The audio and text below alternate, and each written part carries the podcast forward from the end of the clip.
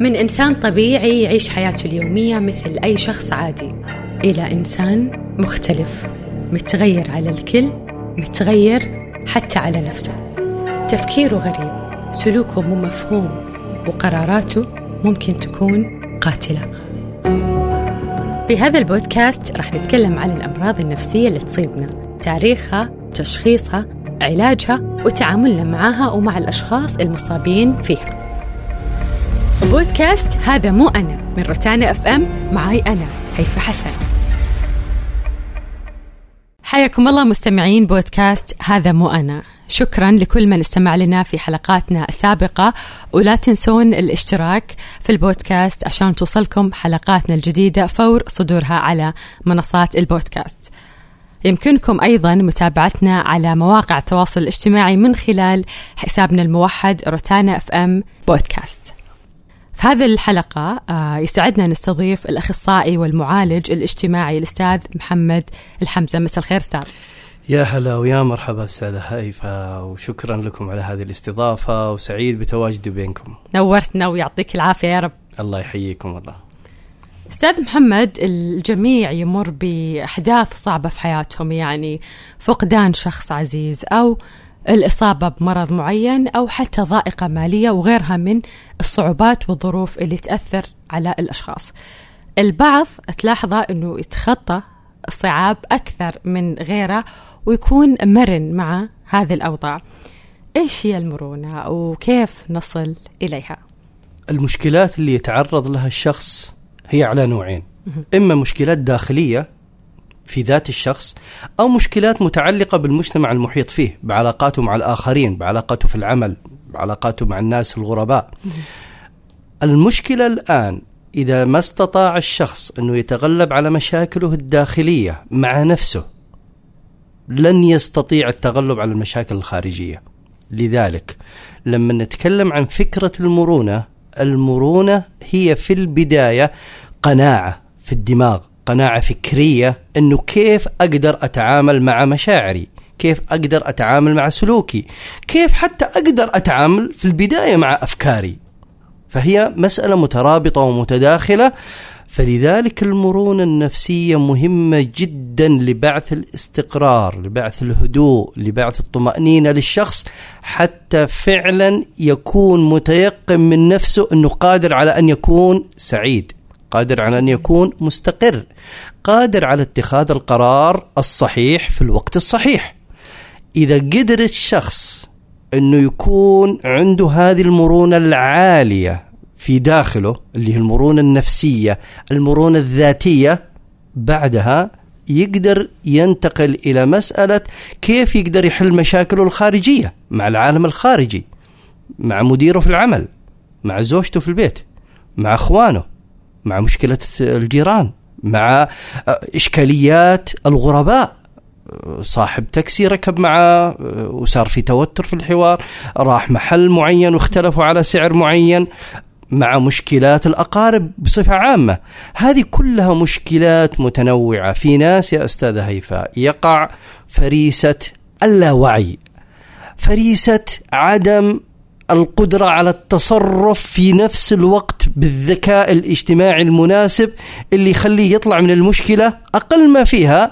ما بنقول منتصر لكن أقل ما فيها ما تضرر. يعني بأقل ضرر. في مث- في منطقة الحياد وهي المنطقة الرائعة والجميلة اللي الكل قاعد يسعى للوصول لها.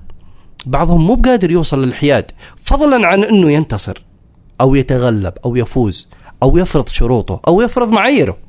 هذه تبرز عندنا بالذات في داخل المشاكل الأسرية بسبب كثرة التفاعل الاجتماعي ما بين الزوج والزوجة الزوج والأبناء أو الزوجة وأهلها مثلا. أو الزوج يعني وأهل الزوج. يعني بالذات الناس ال- القريبين هنا تكثر الإشكاليات بسبب كثرة التعاملات وهنا تتطلب المرونة الاجتماعية الفعالية العالية. هنا النقطة الأساسية اللي نبغى نوصل لها أن فكرة المرونة الاجتماعية منبثقة أصلا من المرونة النفسية هذا بالدرجة الأولى. بالدرجة الثانية المرونة الاجتماعية هي نمط حياة المفترض يصل له الشخص للحصول على السعادة. جميل. فيعني هذا هو الفرق بين المرونة النفسية والمرونة الاجتماعية. بالضبط. حلو. طيب لو تعرف لنا إيش هو تاريخ المرونة الاجتماعية؟ حلو. الإشكالية في بعض ال- المفاهيم الحديثة بالذات في مسألة العلاج الاجتماعي. آه هي مفاهيم مشتقة ومنبثقة من مفاهيم علم النفس. كمصطلح المرونة الاجتماعية قد يكون نوع من الممارسة الطبيعية للحياة.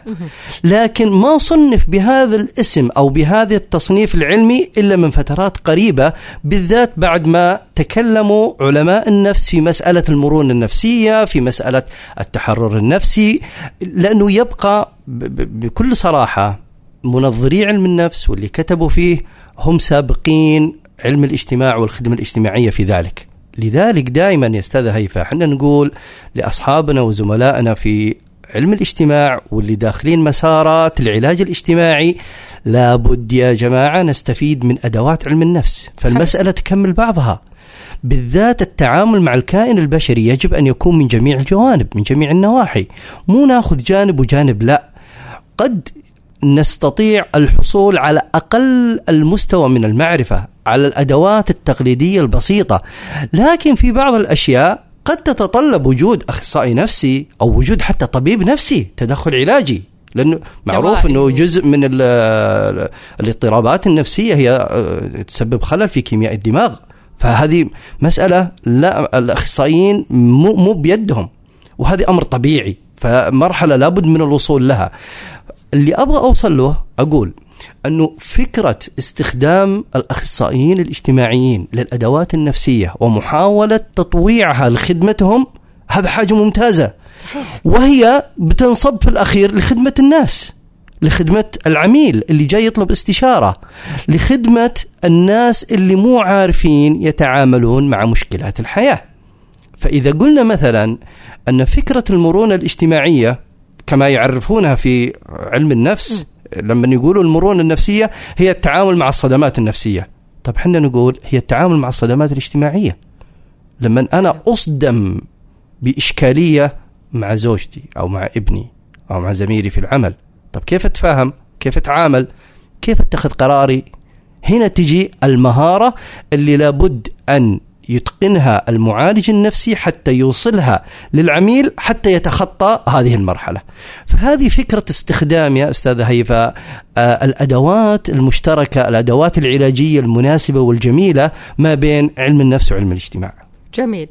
آه طيب أستاذ أبغى أسألك إيش هي فوائد المرونة الاجتماعية؟ ذكرت قبل شوي إنها شيء يعني مفيد للفرد. أبغى أعرف فوائدها على الفرد وعلى المجتمع ككل.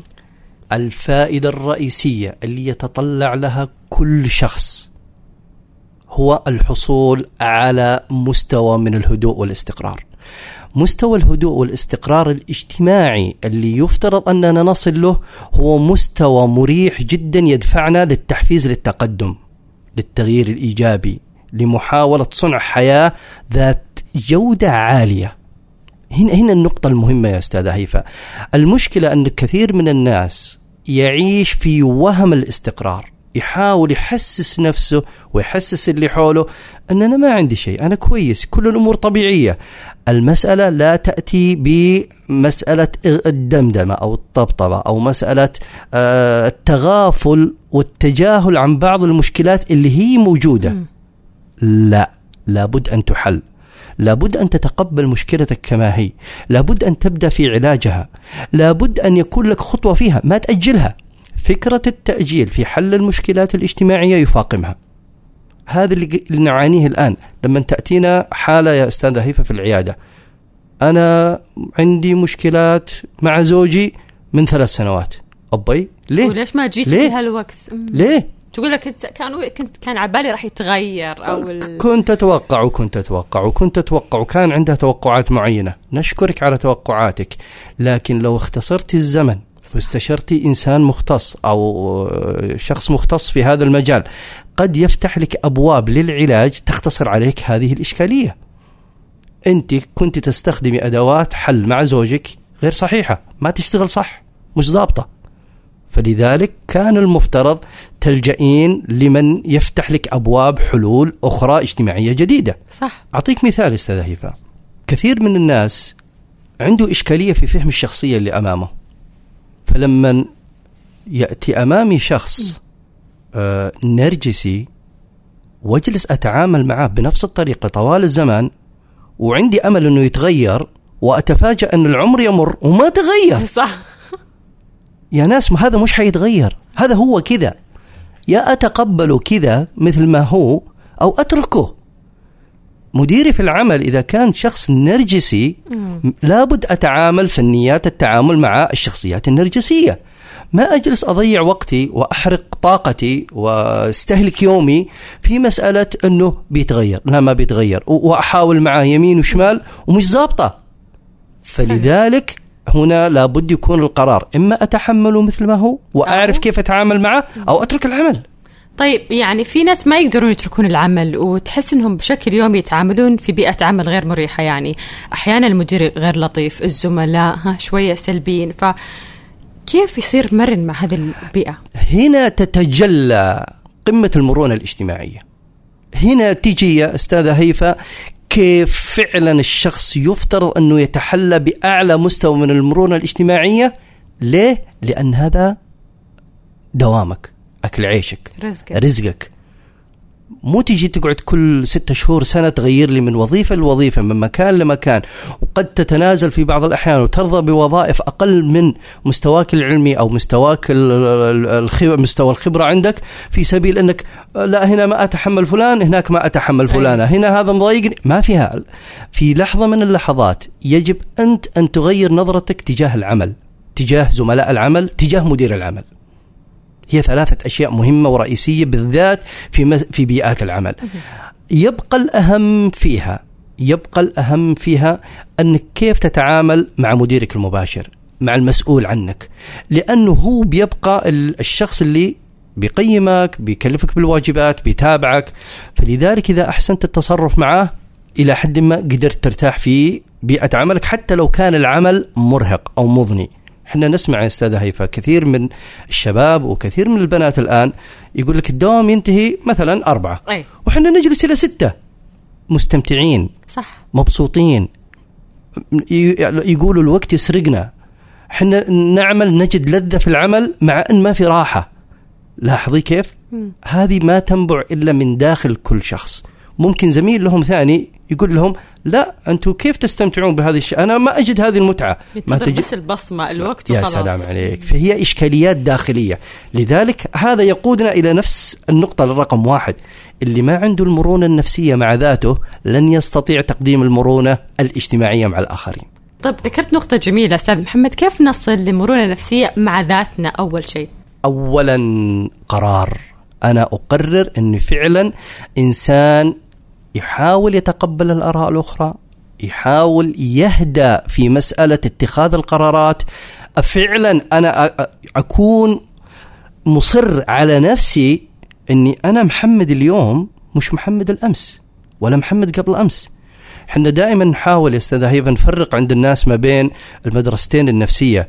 المدرسة اللي تقول آه الإنسان مربوط بطفولته إلى اليوم. وفي المدرسة الثانية اللي هي المدرسة الواقعية اللي تقول أنت ابن اليوم. فعلا. إيش الاحس إيش الأصح؟ كلها صح. ولكن بالنسبة لرتم الحياة الآن يحتم علينا أننا نقول أنك اليوم تنظر لنفسك نظرة أخرى. أنت اليوم ناضج واعي متعلم متخرج سافرت آه، خلطت ناس شفت خبرات حياة. ليه ما توظف هذه الأشياء كلها لخدمتك اليوم؟ ليش تجلس أسير لخبرة سلبية مرت عليك في المتوسط أو في الابتدائي؟ ليه تقعد عايش في ألم مر عليك في الجامعة؟ ليه؟ ليش ما تكون عندك المرونة العالية أنك تتخطى كل هذه الأشياء وما تقعد تضيع وقتك فيها؟ ما تضيع طاقتك ما تضيع أيامك وأحلى لياليك. صح. ليه؟ البعض. فهنا نحاول ننقل الشخص من هذه المرحلة إلى المرحلة فعلا الواقعية الحديثة حتى يستمتع بحياته حتى ينجز حتى فعلا يقدر يعيش في هذه الحياة ويتعايش مع الناس بشكل إيجابي. فهذه النقطة بالذات حنا نتكلم فيها الناس الواعين الناس اللي إلى حد ما مستقرين نفسيا لكن إذا بدأ يكلمنا عن الماضي نقول له ستوب وقف الماضي ماضي. طيب بقدر ما تتكلم عن آلامك الماضي الماضية ليه ما تتكلم عن الأشياء الحلوة الإيجابية اللي زمان؟ ليش قاعد تتذكر فقط نقطة مثلا أبوك اللي ضربك وأنت في ثاني متوسط وكسر يدك؟ طيب أبوك قبلها قاعد يصرف عليك ووداك رحلة واستمتعتوا وانبسطتوا يعني لاحظي في بعض الناس يمسك موقف واحد ويجلس هذا الموقف آه، أسير له يعني. صح. آه ليش قاعد تتذكر إخفاقك في الثانوي ورسوبك؟ بسبب علاقتك مع مدرس كانت مش ولا بد وصارت هذه بالنسبة لك ردة فعل تجاه مادة معينة مثلا تجاه الفيزياء مثلا أو, أو الرياضيات قدراتك. أو, أو قاعد تستهين أنت بقدراتك ليه؟ طب أنت اليوم طلع وضعك اليوم أنت كيف؟ فهنا هذه المسألة مسألة كوننا ننتقل بالزمن للشخص. هذه مسألة اليوم نحاول نأسسها في داخل الناس آه، الواعين الواثقين المرتاحين. آه، قد ينفع العلاج آه، اللي هو علاج الماضي مع بعض الحالات النفسية اللي فعلا عندها تأزمات واضطرابات. هذه شغل الأخصائيين النفسيين وهذا مجالهم. لكن أرجع وأقول المفترض أننا ننتقل بأنفسنا إلى اللحظة إلى الآن اليوم. المفترض الواحد يجي يقول أصلا أنا ما عندي وقت أقعد أفكر بمشاكل الماضي. أنا المفترض الوقت أستهلكه في كيف أطور نفسي الآن كيف أعدل من نفسي كيف أنا أرفع من قدراتي. نجي عند إشكالية ثانية بعض الناس يا أستاذة هيفا يجي يقول طيب أنا كيف أسوي؟ يجي السؤال. الله حنا اللي يسأل كيف هذا إنسان يبغى يشتغل على نفسه ترى اللي ما يسأل في بعض الأحيان نقول خلاص يعني حتى ما نضيع وقتنا معاه بعض الحالات لما يجون ونبدأ نفكك لهم الإشكالية نفكك لهم الحالة اللي يمروا فيها أول ما يسأل الواحد منهم كيف يا سلام حنا نقول يب هنا, هنا أنا أبغى منك هذه الكلمة صح. معناته صح. يبغى يتغير عنده هذه القدرة على فتح آفاق جديدة لتغيير نمطية حياته. هنا ننبسط. فهنا نبدأ مع الشخص برامج معينة واجبات معينة إعادة تفكير معينة. طبعا تأخذ لها سلسلة من آه، الخطوات والمراحل اللي الواحد يقدر يتخطاها على حسب حماسه على حسب هو إيش يبغى من الحياة. طبعا في ناس يا هيفا يبغى يعيش الدراما. خلاص خليك يعيش في الدراما. واحد يبغى يعيش التراجيديا خلاص عيش حبيبي اقعد ابك ناس تحب تعيش في الأكشن. الله يوفقك. يعني اختيارك. حياتك اختيارك. باختصار. صح. طيب يعني أستاذ محمد كيف الشخص يعرف إنه وصل لمرحلة المرونة الاجتماعية؟ حلو. آه هي مؤشرات. ليه؟ لأنه فكرة وجود المقاييس الاجتماعية للأسف ليست موجودة بهذا آه تخصص مثل المقاييس النفسية. نحتاج إلى مختصين في هذا المجال لتقنين هالمقاييس وإخراجها لنا بشكل علمي وواضح. حلو. آه يعني هذه مرحلة من المراحل يفترض يشتغل عليها آه زملائنا الأكاديميين حتى يفيدونا فيها لأنها تحتاج إلى تجارب تجارب تجارب وخبرات وعملية حتى اختبار المقياس وإخراجه مسألة مو سهلة. لكن بالنسبة لنا هي مؤشرات. إحنا لما نجي عند الواحد نقول له حتى تختبر مرونتك الاجتماعية أنت تقيس مدى ردة فعلك تجاه المشكلة. هل ردة فعلك تجاه مشكلة مع زوجتك اليوم نفسها كانت اللي قبل سنة؟ هنا النقطة هنا هنا التغيير. آه خلينا ناخذ مثال مباشر على هذا الشغل على هذا الموضوع علشان نشوف كيف نقدر نقيس المرونة. حالة كانت عندي الأسبوع هذا. امرأة متعلمة فاهمة واعية. زوجها رجل رائع متعلم فاهم. تشاركوا رحلة الابتعاث وياها مع بعض. ما شاء الله عليهم.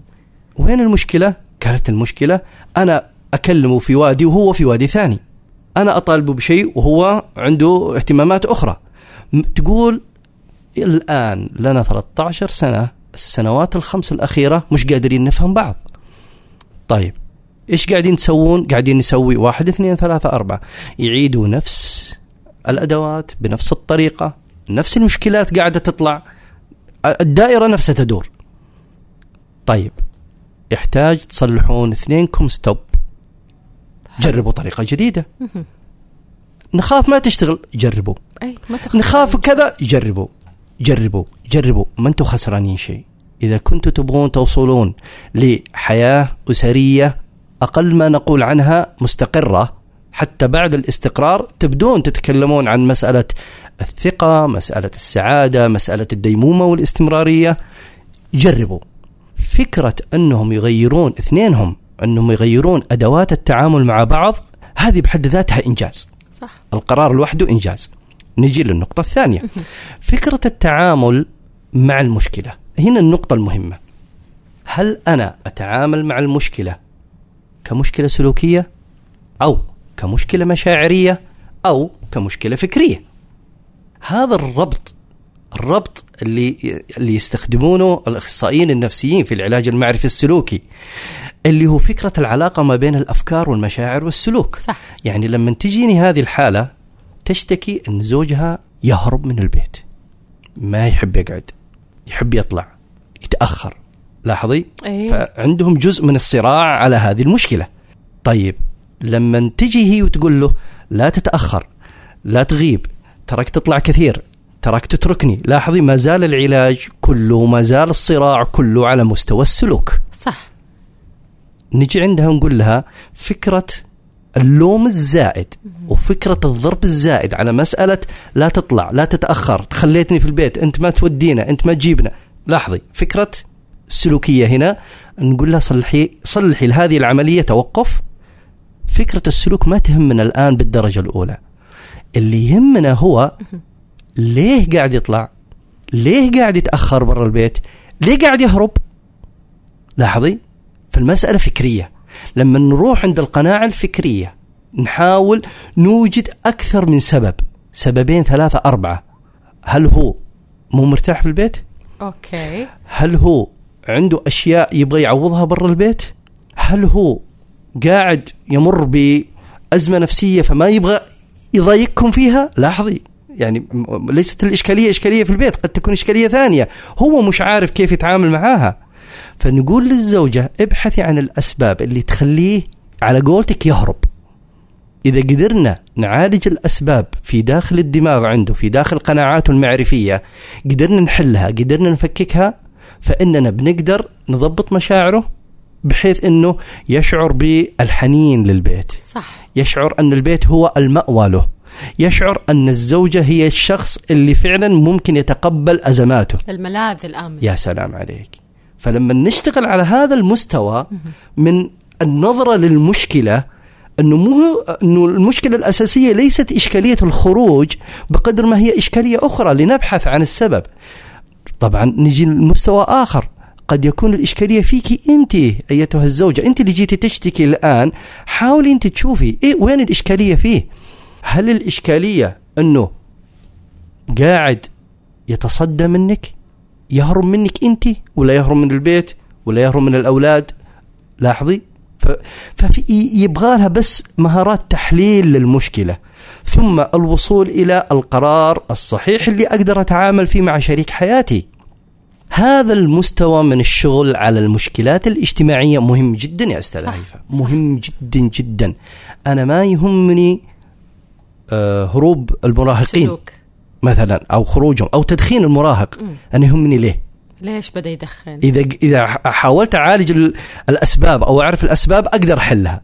فطبيعي يتغير السلوك.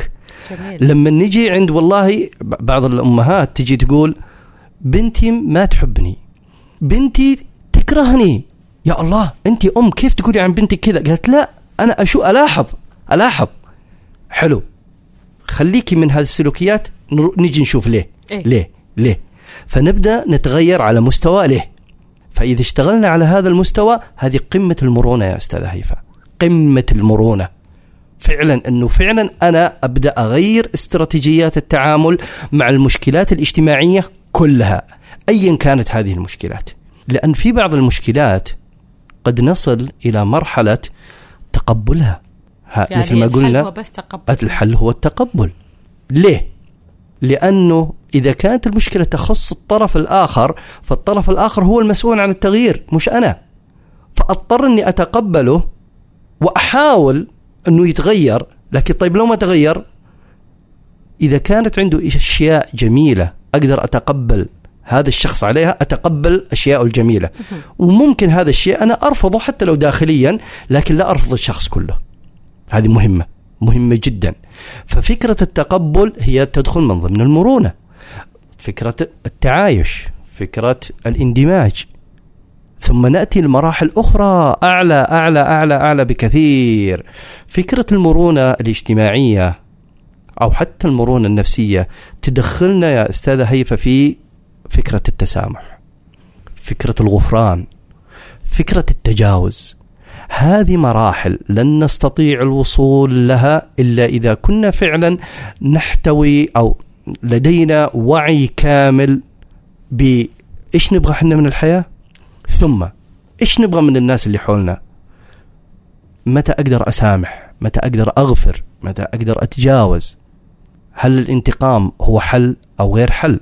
لاحظي هذه كلها أشياء لا تأتي إلا بترويض الذات. صح, صح. وتاخذ لها مراحل. ما تجي بين يوم وليلة. ما في حبة في الصيدلية ناخذها ونقول الآن بتصير مرن ونتجاوز. أيوه ولا بتسامح وت... نعم. لكن أعرف متى أسامح أعرف متى أتجاوز أعرف متى فعلا إني هل أنا تحليت بالمرونة العالية اللي تخليني فعلا أعيش أنا مرتاح أنا سعيد؟ من الأشياء الحلوة والجميلة يا أستاذة هيفاء إن بعض الناس قد يخاف إنه ما يقدر يوصل لمرحلة السعادة. والهدوء الاستقرار يخاف.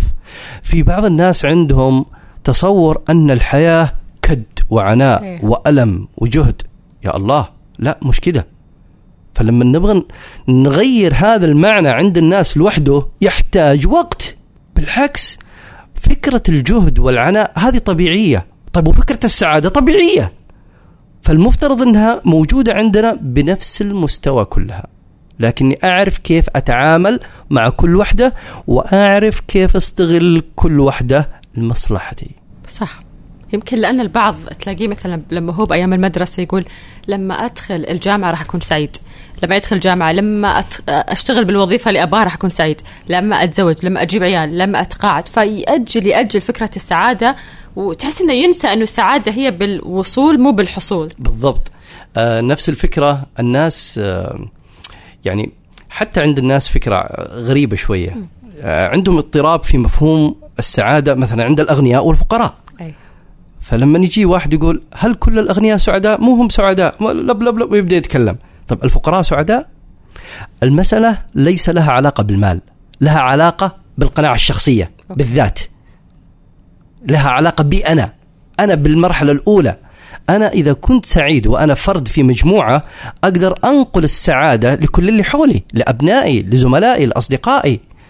أستاذ هيفا في بعض الناس في بيئات العمل لما يدخل من عند الباب إيه؟ الكل يبتهج. صح صح. الكل يفرح. وبعض الناس يدخل من عند الباب تدخل الكآبة. للأسف. لاحظتي كيف؟ لاحظتي وين المشكلة؟ فلذلك نحتاج أننا ننظر لأنفسنا أولا. كيف الناس ينظرون لنا؟ للأية هل حنا بالنسبة لهم مصدر ابتهاج وطاقة إيجابية ولا حنا مصدر بؤس؟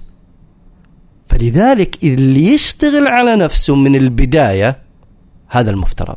لذلك نرجع نقول لكثير من الناس لابد أن تفعل قاعدة 80 20 ألا وهي؟ تركز 80% على نفسك. تركز 20% على كل العالم. كل العالم. نعم كل العالم. أبوك أمك أخوانك زوجتك مديرك آآ آآ السياسة التاريخ الجغرافيا كلهم في العشرين في المية. ليه؟ لأنك إذا استطعت تجويد الثمانين في المية من حياتك قدرت فعلا تتعامل بشكل إيجابي مع بقية العشرين في المية. إذا كنت في مستوى ثقة عالي إذا كان مستوى استحقاقك لنفسك عالي فإنك فعلا تقدر تتعامل مع الناس بهذا المستوى الرائع والجيد. طيب أنا كيف أقدر أشتغل مع نفسي 80%؟ أربع نقاط. اولا الاهتمام بالجسد. الجسد شيء مقدس ما نهمله، رقم واحد أهتم بصحتي. حلو. أهتم بغذائي أهتم برياضتي. هذه أشياء جميلة ورائعة وضرورية وأساسية أننا نركز عليها. ما تكون أشياء ثانوية في حياتنا أشياء أساسية. الجسد اللي يحملني اليوم هو اللي بيحملني بكرة. فليش ما أع... من الآن أجهز هذا الجسد بشكل صحي وبشكل طبيعي علشان بكرة إذا وصلت السبعين والثمانين إلا أنا بخير. من المؤسف استاذة هيفا أنك تشوفين الناس الآن في سن الثلاثين والأربعين عنده سكر عنده ضغط ليه ليه وفي الأصل طبعا اللي عندهم السكر من الطفولة إيه. وراثي هذه شيء ثاني نستثنيهم لكن لما نجي عند هذه الإشكاليات ونتفاجأ أنها إشكاليات نفسية ليه؟ ليه قاعد تحبس هالضغوطات؟ ليه ما تتعامل معها بشكل إيجابي؟ ليه ليه ليه؟ لاحظ كيف أثرت عليك؟ صح إذا رقم واحد الاهتمام بالجسد رقم اثنين التوازن المشاعري. عند الناس يا أستاذة هيفاء إشكالية غريبة جدا. بعض الناس ما يتوقعون أننا كائنات قلقة أو كائنات خوافة أو كائنات غضوبة يتهرب من هذه الأشياء. عندنا ستة مشاعر أساسية لازم نعيشها. القلق الخوف الحزن الغضب الحب السعادة. هذه الستة مشاعر موجودة عندنا بمستوى صفري. يعني قد ترتفع وتكون إيجابية وقد تقل وتكون سلبية. من اللي يتحكم في الارتفاع والانخفاض؟ مستوى الموقف الحالة اللي قاعدين نمر فيها. قد تأتينا حالة ترفع مستوى القلق عندنا. لكن هل هو قلق إيجابي ولا قلق سلبي, سلبي يودينا للخوف والانزواء؟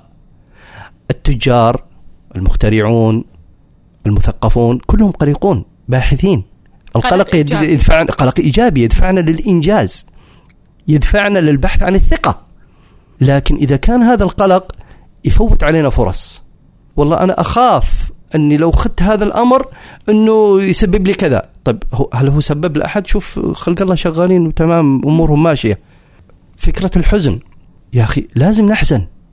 إذا مات لنا صديق أو فقدنا شيء أو فقدنا حاجة غالية علينا طبيعي نحزن. صح.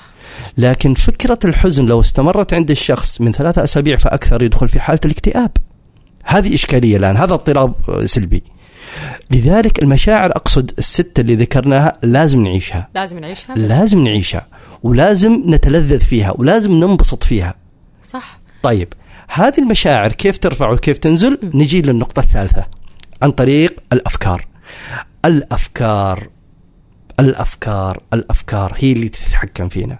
أفكارنا هي حياتنا. الأفكار تأتي من خبرات الحياة القراءة الدورات الأفلام آه، التعليم الجامعي خبرتي إيه. في الطفولة إلى الآن. هذه كلها تعطينا أفكار أفكار أفكار تدخل في داخل الدماغ. نبدأ الآن بعمليات التحليل. ثم الاختيار. عندنا حرية الاختيار. نختار منها ما يصلح. وفقا للمنطق وفقا لمستوياتي الاقتصادية والحياتية وفقا لي أنا ما أريد الآن. قد اختياري اليوم يختلف عن اختياري أمس. صح. قد يختلف عن اختياري بكرة. وارد. فالأفكار إذا قدرنا فعلا ننظفها بشكل صحيح إذا قدرنا فعلا نغذي الدماغ عندنا بالمعلومات المفيدة نزيل التشوهات الفكرية التشوهات المعرفية. نعيد تعريف المصطلحات من جديد. نعيد تعريف الأسرة من جديد. نعيد تعريف العمل من جديد. نعيد تعريف الحياة من جديد. إيش المشكلة؟ يعني it's never too late. نحن ما في وقت ابدا. ما نقول ان الوقت مضى. ما في. صح. لا يجي واحد يقول الله بجي الآن أعيد. إي نعم عيد. ليه؟ لأنك اليوم بمعرفتك اليوم أنت لست فلان اللي بالأمس. فعيد. بناء عليها أنت بتعيد تغيير مشاعرك. اذا قلنا الجسد, الجسد. ثم التوازن المشاعري ثم الأفكار. نأتي لرابعا اللي هو العلاقات الاجتماعية. تخلص من العلاقات الاجتماعية المسمومة السلبية المؤذية. الناس اللي أنت ما أنت قادر تتعايش معاهم وقاعدين يستغلونك قاعدين يستنزفون طاقتك. مع السلامة. نجي هذه النقطة بالذات يا أستاذ هيفا بعضهم يجي يقول هل الطلاق من ضمن العلاقات المسمومة؟ نعم. وهذه من النقاط الحساسة والمهمة آه، اللي آه، يجب أن نركز فيها لأنه فعلا هي تدخل من ناحية المرونة آه، فكرة الطلاق في أصلها ليست سيئة. هي وسيلة من وسائل إعادة ترتيب الحياة وسيلة من وسائل استعادة الكرامة. إذا وجد عدم التوافق بين الزوج والزوجة عدم التفاهم فالطلاق هو وسيلة وسيلة حل. وسيلة قانونية وسيلة شرعية وسيلة اجتماعية وهو خيار شخصي لكل واحد منهم. لذلك إحصائيات المحاكم اللي نشوفها لما يجون يقولون 50% عدد الطلاقات مقابل الزواج وبعض التربويين والإعلاميين يقولون أوه التفكك الأسري لب لب لب. لا لا لا. حنا كنفسيين اجتماعيين ننظر لها من منظار آخر ننظر لها أنه إعادة تصحيح للحياة. بالعكس قد تكون إيجابية. المفترض أنه ما يتخذ هذا القرار إلا كمرحلة نهائية. نعم. يعني عند استحالة التعديل. إنه خلاص الشخص هذا ما راح يتغير إنه ف... الشخص هذا ما يتغير أو حتى الآدمية مش حتتغير. أو أنا بالمقابل يمكن ما أتغير ف... لذلك يمكن شهدنا على على في الفترة الماضية شفنا بعض الأشياء الخجولة البسيطة اللي هو نمط من الطلاق النبيل الطلاق الحضاري. اثنين والله يا آدمية يا آدمي حنا مش قادرين نتفاهم مع بعض السنين قاعدة تمر وواضح إن ما فيه حب بيننا. مع السلامة مع السلامة شكرا إلى آخره. بالعكس بشكل هادي بشكل حضاري بشكل جميل أخلاقي راقي جدا بدون الدخول في متاهات المشكلات ولا المحاكم صح. ولا إلى آخره إيش في أعظم من هالمرونة يا استاذه هي جميل يعني يكون الطلاق بس باحترام وتفاهم باحترام وتقدير بالعكس يحتفظون بالود صح. وحسن العشرة لكن زي ما قلت لك ما نوصل لهذا المستوى إلا في مع... عند استحالة إعادة الحياة مع بعضهم البعض.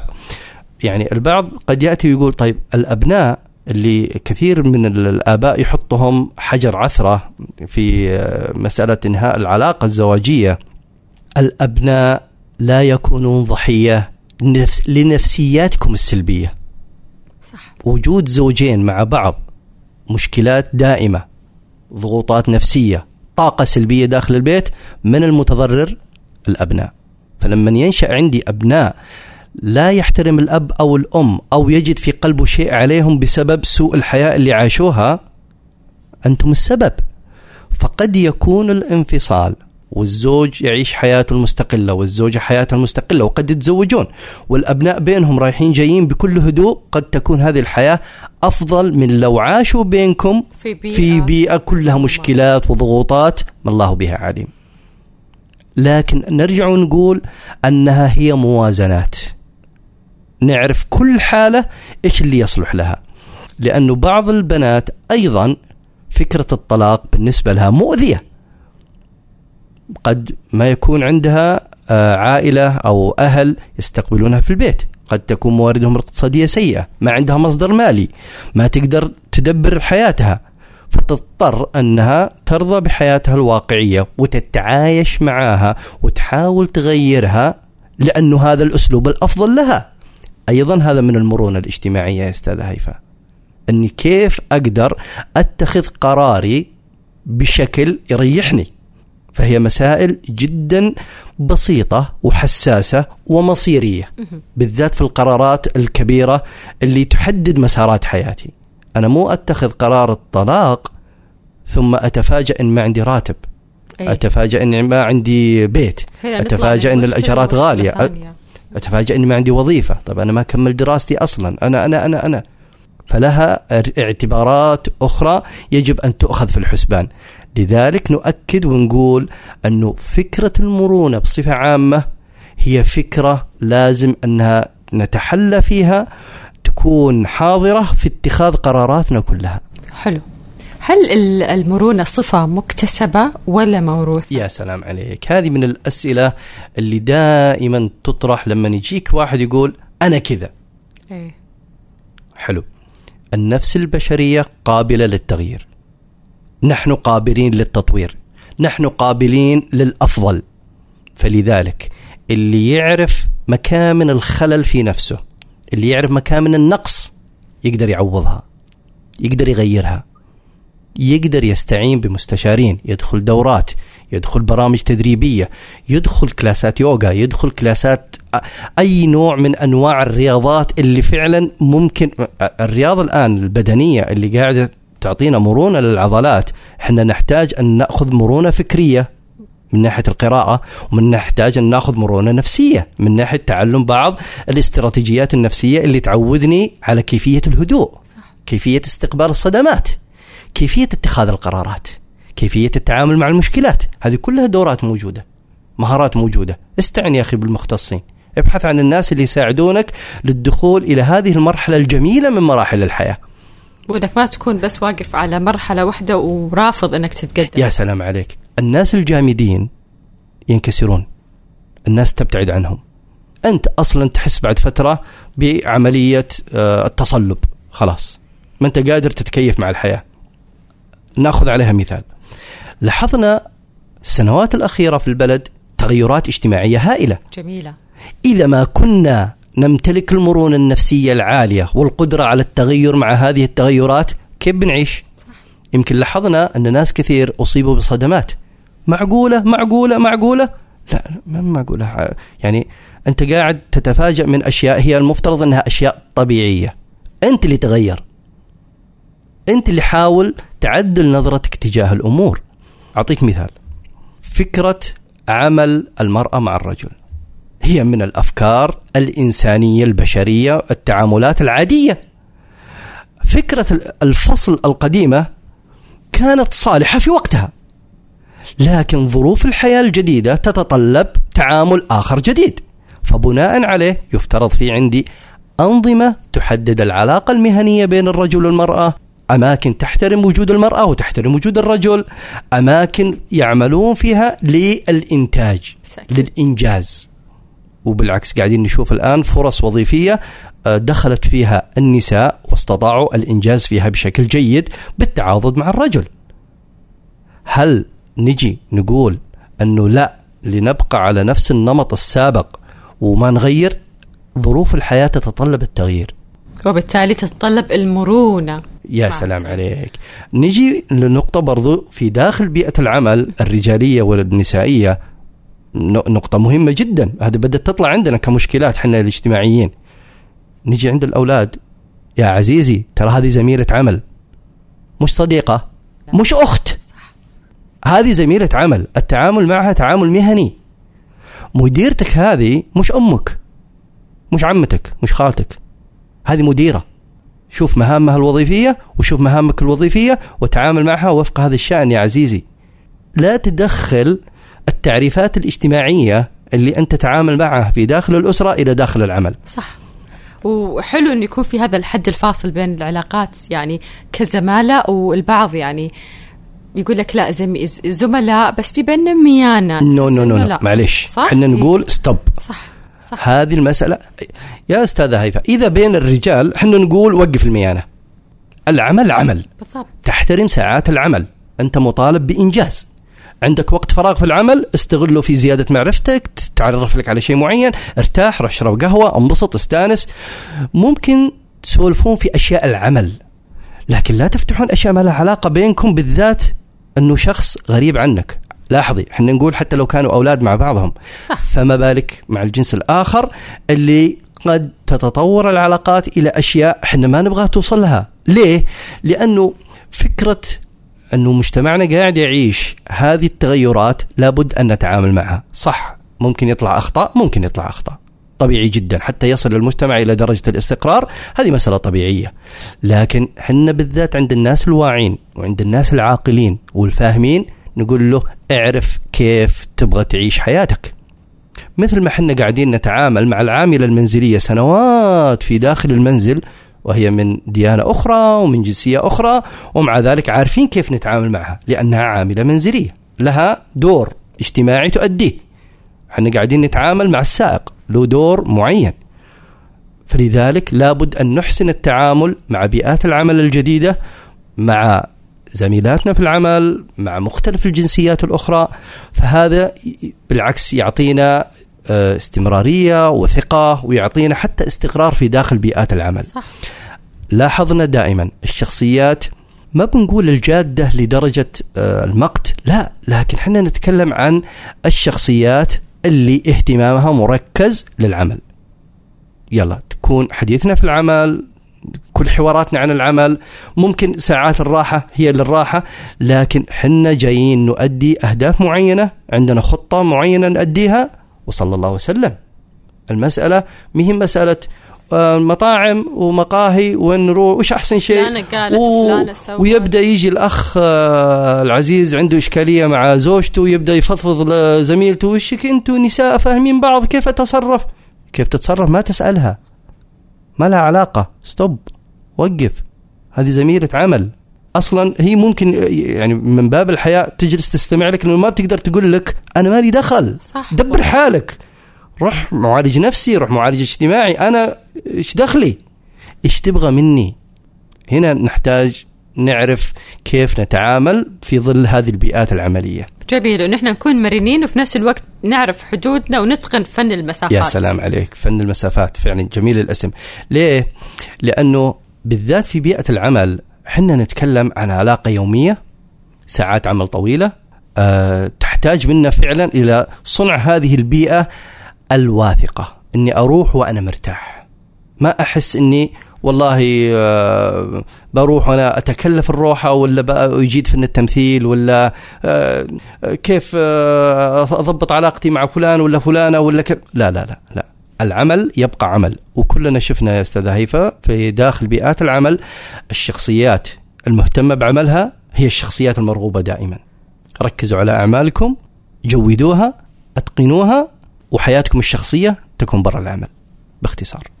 طيب آه، أستاذ محمد كيف الشخص مثلا حاب يكتسب المرونة؟ هل يقدر يكتسبها من نفسه ولا لازم يروح لمعالج نفسي أو اجتماعي. آه، فكرة اكتساب المرونة مثل ما قلنا إذا الشخص حس من نفسه إنه عنده هذا النوع من آه، الحدية في اتخاذ القرارات أو الحدية في الآراء. يعني بعض الناس عنده الحياة إما أسود أو أبيض. صح. غلط. بعض الناس عنده الحياة إما صفر أو 100% صح. برضو غلط. تكون يا يعني أقل شيء يا اكستريم يا سلام عليك. أ أ يعني التطرف هذا في الأطراف التطرف من ناحية الذهاب للأطراف إما أقصى اليمين أو أقصى الشمال هذا غلط.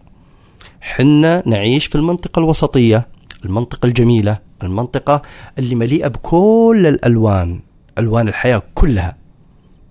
قد تمر علينا بعض الأشياء لازم نكون فيها قراراتنا أسود؟ نعم.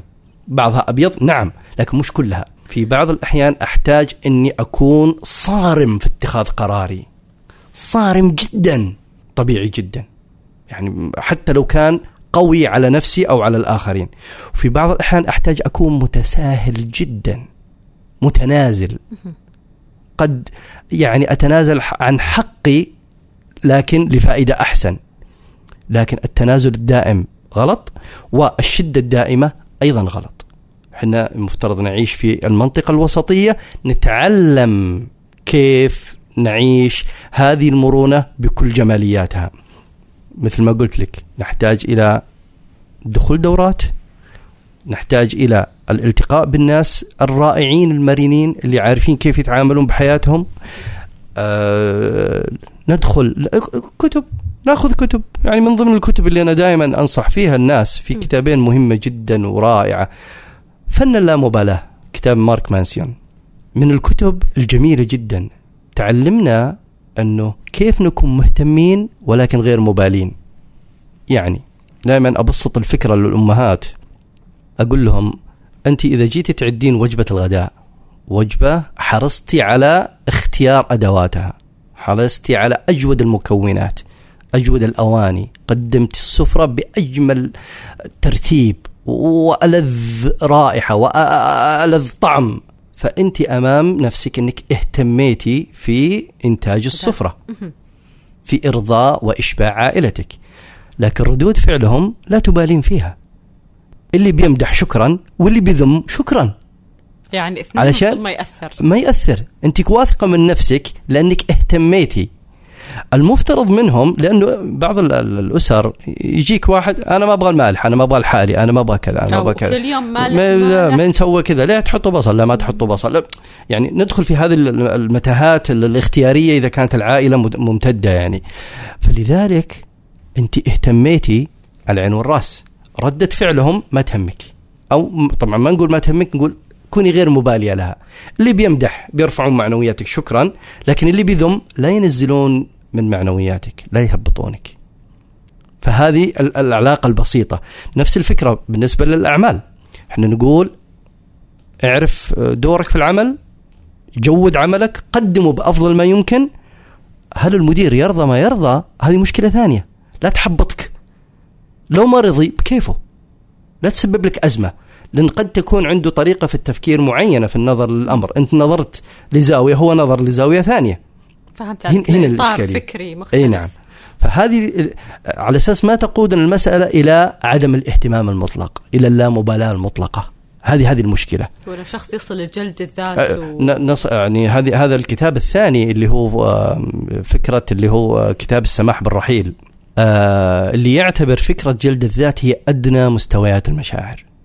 كثير من الناس يحبس نفسه في داخل يعني محاسبة النفس بشكل مدمر.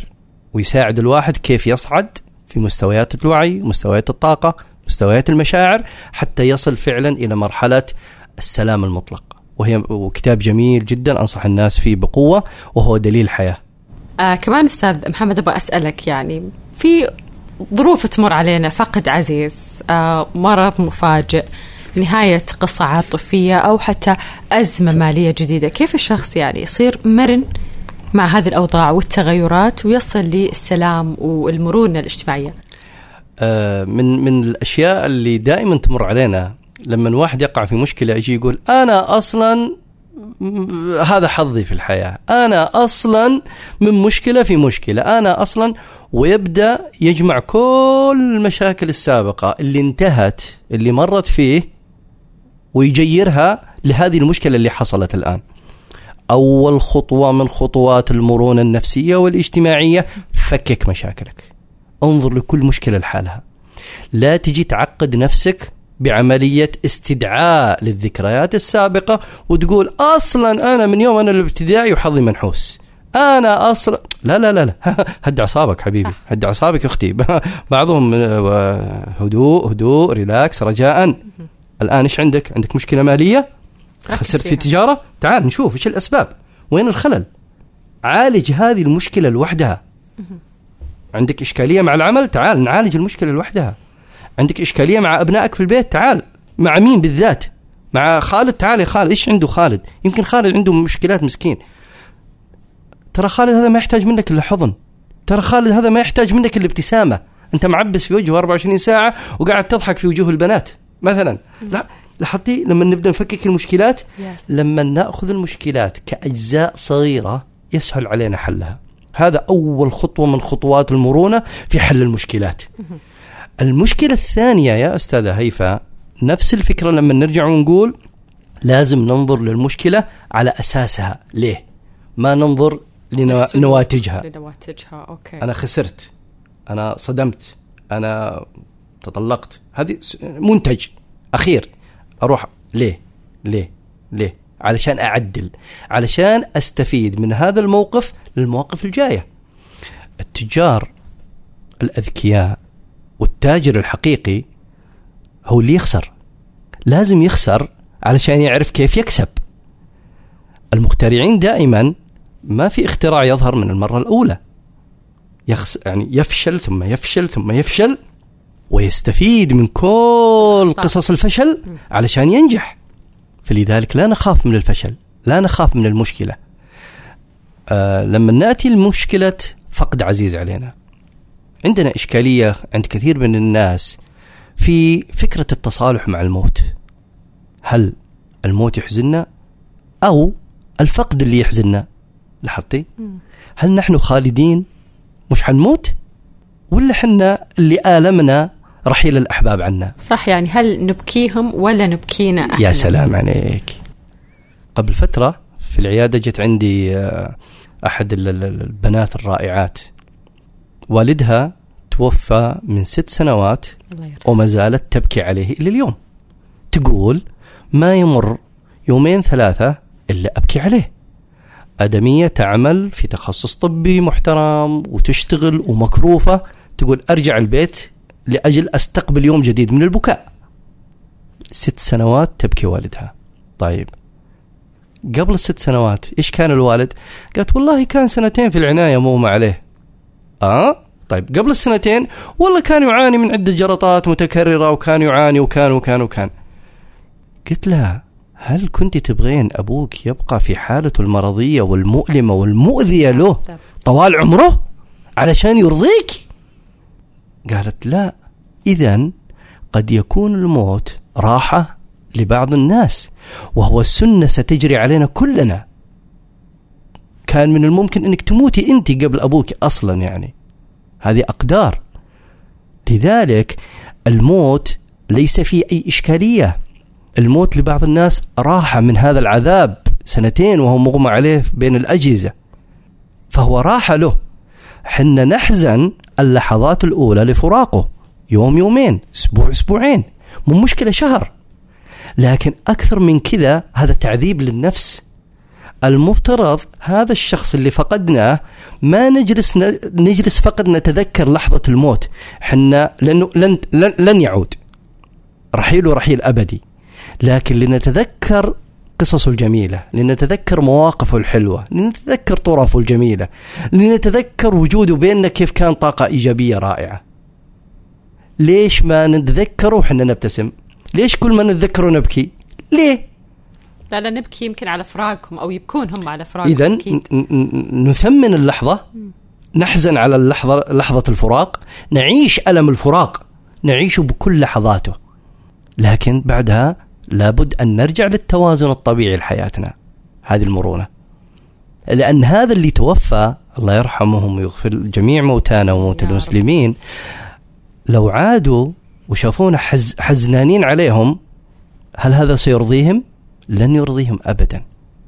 ادميه انطلقي في حياتك تعطلت عن زواجها، تعطلت عن ترقياتها، اضطرت تنتقل من منطقة إلى منطقة تقول هربا من البيئة اللي كان عايش فيها الوالد علشان ما أتذكر كرسيه، ما أتذكر غرفته، ما أتذكر كذا. طيب إلى متى بتقعدي تهربي في الحياة؟ وهل هروبك غير؟ كل هذا سلوك. أنت ما قدرتي تنتزعين هذه الفكرة في داخلك. صح. مثل الشخص اللي دخل متاهة ومش قادر يطلع منها كانت تحتاج أحد يطلعها منها ففكرة التعامل مع الموت فكرة التعامل مع الفقد يجب إعادة النظر فيها لأنها من النقاط المهمة جدا آه بالذات أمام آه مشاعرنا المضطربة الآن إما نتعلق في الشخص 100% أو نتمنى زواله 100% هذه برضو من الإشكاليات اللي عند بعض الناس يعيشوها.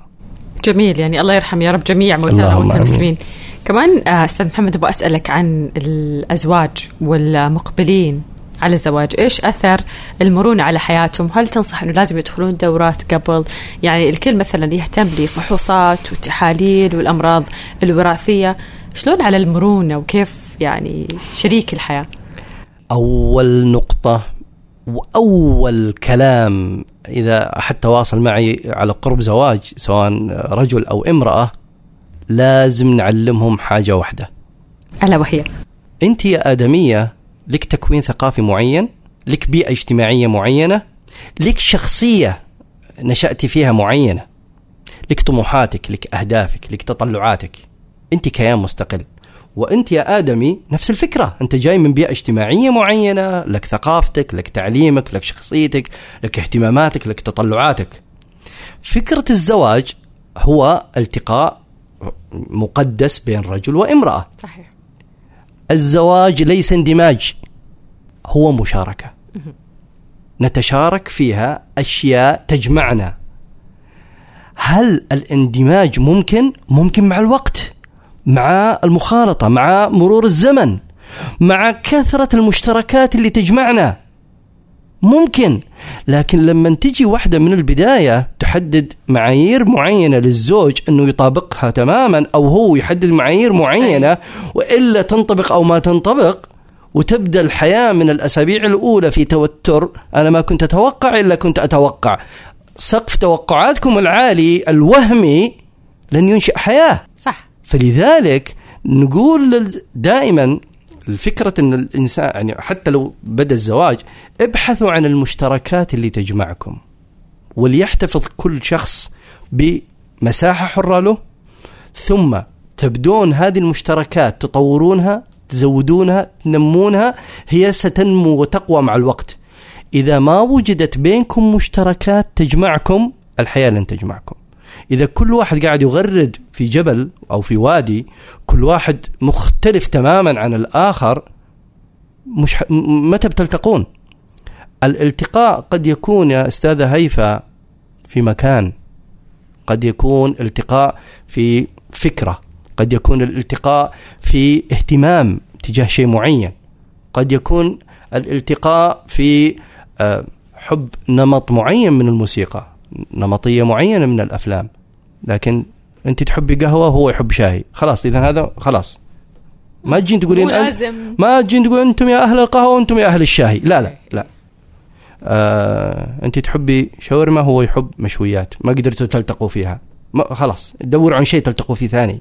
يمكن تلتقوا يعني نركز ولا قاطعك أستاذ يعني نركز بس على الأشياء اللي فيها الأشياء المشتركة المشتركة. ونهمل شوية. ونحترم وجود أوكي. الأشياء الأخرى.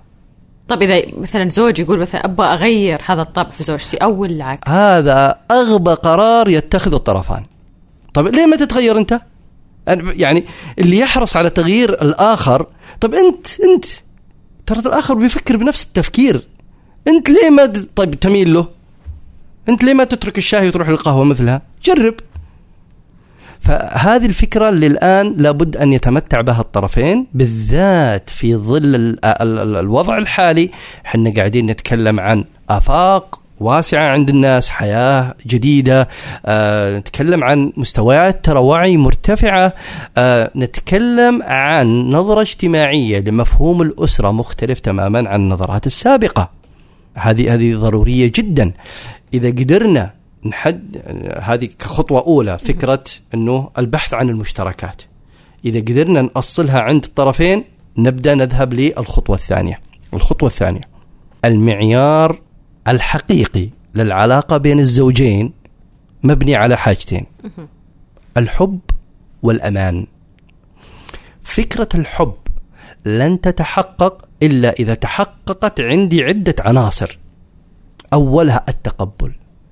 ثم حسن العشرة ثم التكيف ثم محاولة الاندماج ثم التسامح ثم التجاوز. هذه كل هذه تحقق لي الحب إذا تحقق الحب لو في أدنى مستوياته واو شيء جميل.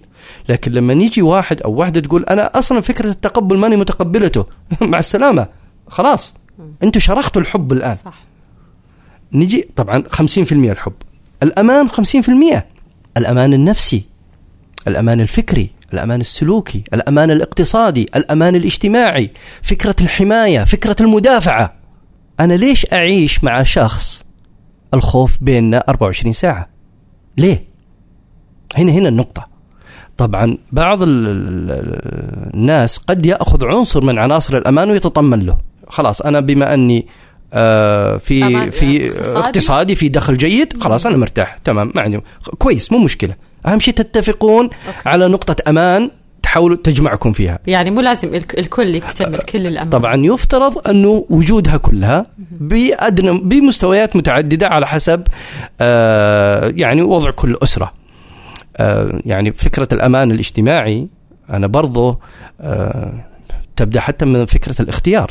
أنا بختار إنسانة توازيني في الطبقة الاجتماعية علشان لا أسبب لها إشكاليات ولا تسبب لي مشكلات. ولا ابنائنا يتسببون لنا في مشكلات لاحقا.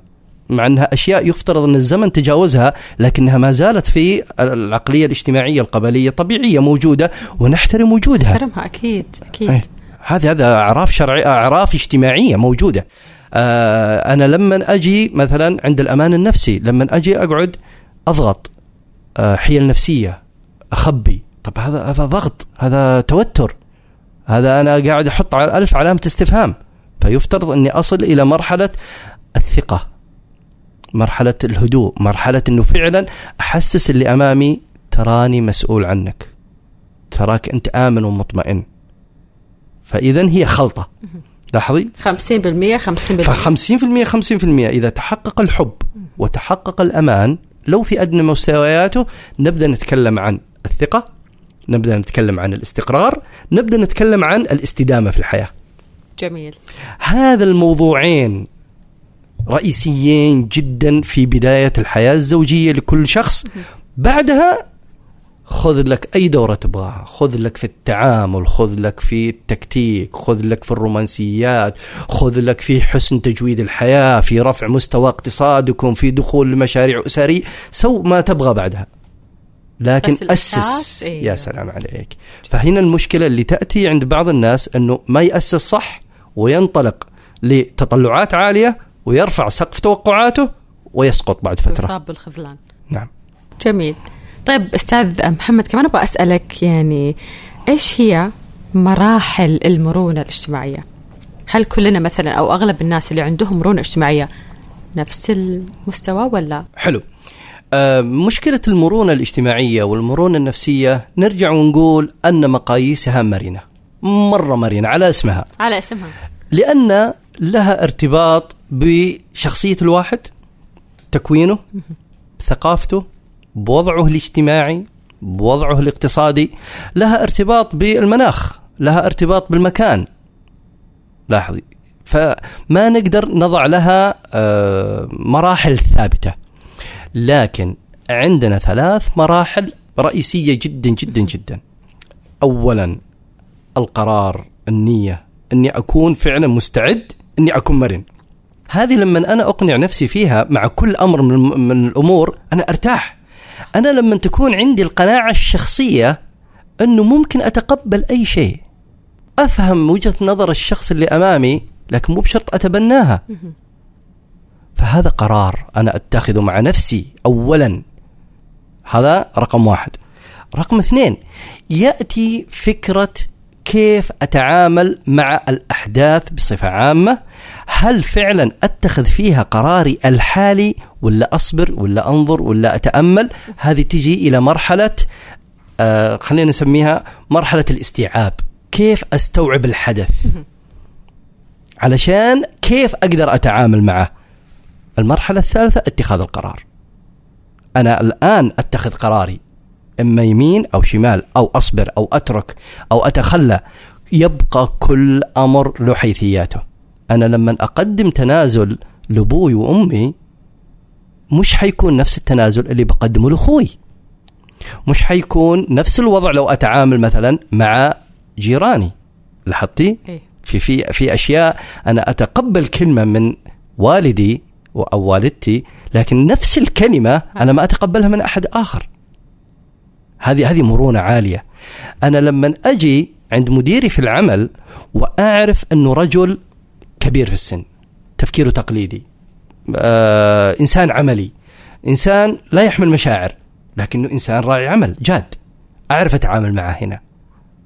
ردود فعله ما تهمني يهمني إنتاجية العمل. في العمل. اي نعم. هنا أوه أرتاح. خلاص. اذا أنا عندي عندي الاستعداد والقرار ثم استوعبت الحالة ثم قررت كيف أتعامل معها. ترى هي خلطة بسيطة يا أستاذة هيفا. لو استوعبناها ارتحنا في حياتنا. أنا لما أجي وصارت عندي آه مثلا مشروع معين مشروع بزنس وعندي في مجموعة من الموظفين والموظفات. هل كلهم بنفس النفسية ونفس التعامل؟ هل كلهم حاملين نفس أهدافي؟ لا. حتما لا هل كلهم بيبقون عندي ويشاركوني طعم النجاح؟ حتما لا. اذا هذه برضو من الأشياء اللي تخليني مرن في هذه الشغلة. مرن في إني كيف أتعامل مع الموظفين اللي تحت يدي. أحترم رغباتهم. أحترم ظروفهم. أحترم اهتماماتهم. جميل. جميل. هل من المرونة كمان إنه الشخص يكون ذكي اجتماعيا؟ يعني مرونة اجتماعية وذكاء اجتماعي ولا؟ طبعا فكرة المرونة يا أستاذة هيفا هي مرحلة إحنا يعني بصراحة إحنا نسميها آه، المرحلة العليا. أنت أصلا ما بتصل لها إلا إذا كنت ذكي اجتماعيا إلا إذا كنت آه، تحمل أصلا نفسية سامية ورائعة إلا إذا كنت واعي قارئ مثقف مستوعب للآخر. عارف إيش اللي ممكن يصير أو ممكن ما يصير. لأنها هي مجرد منتج نهائي. هو عبارة عن هذه الخلطات اللي حصلت.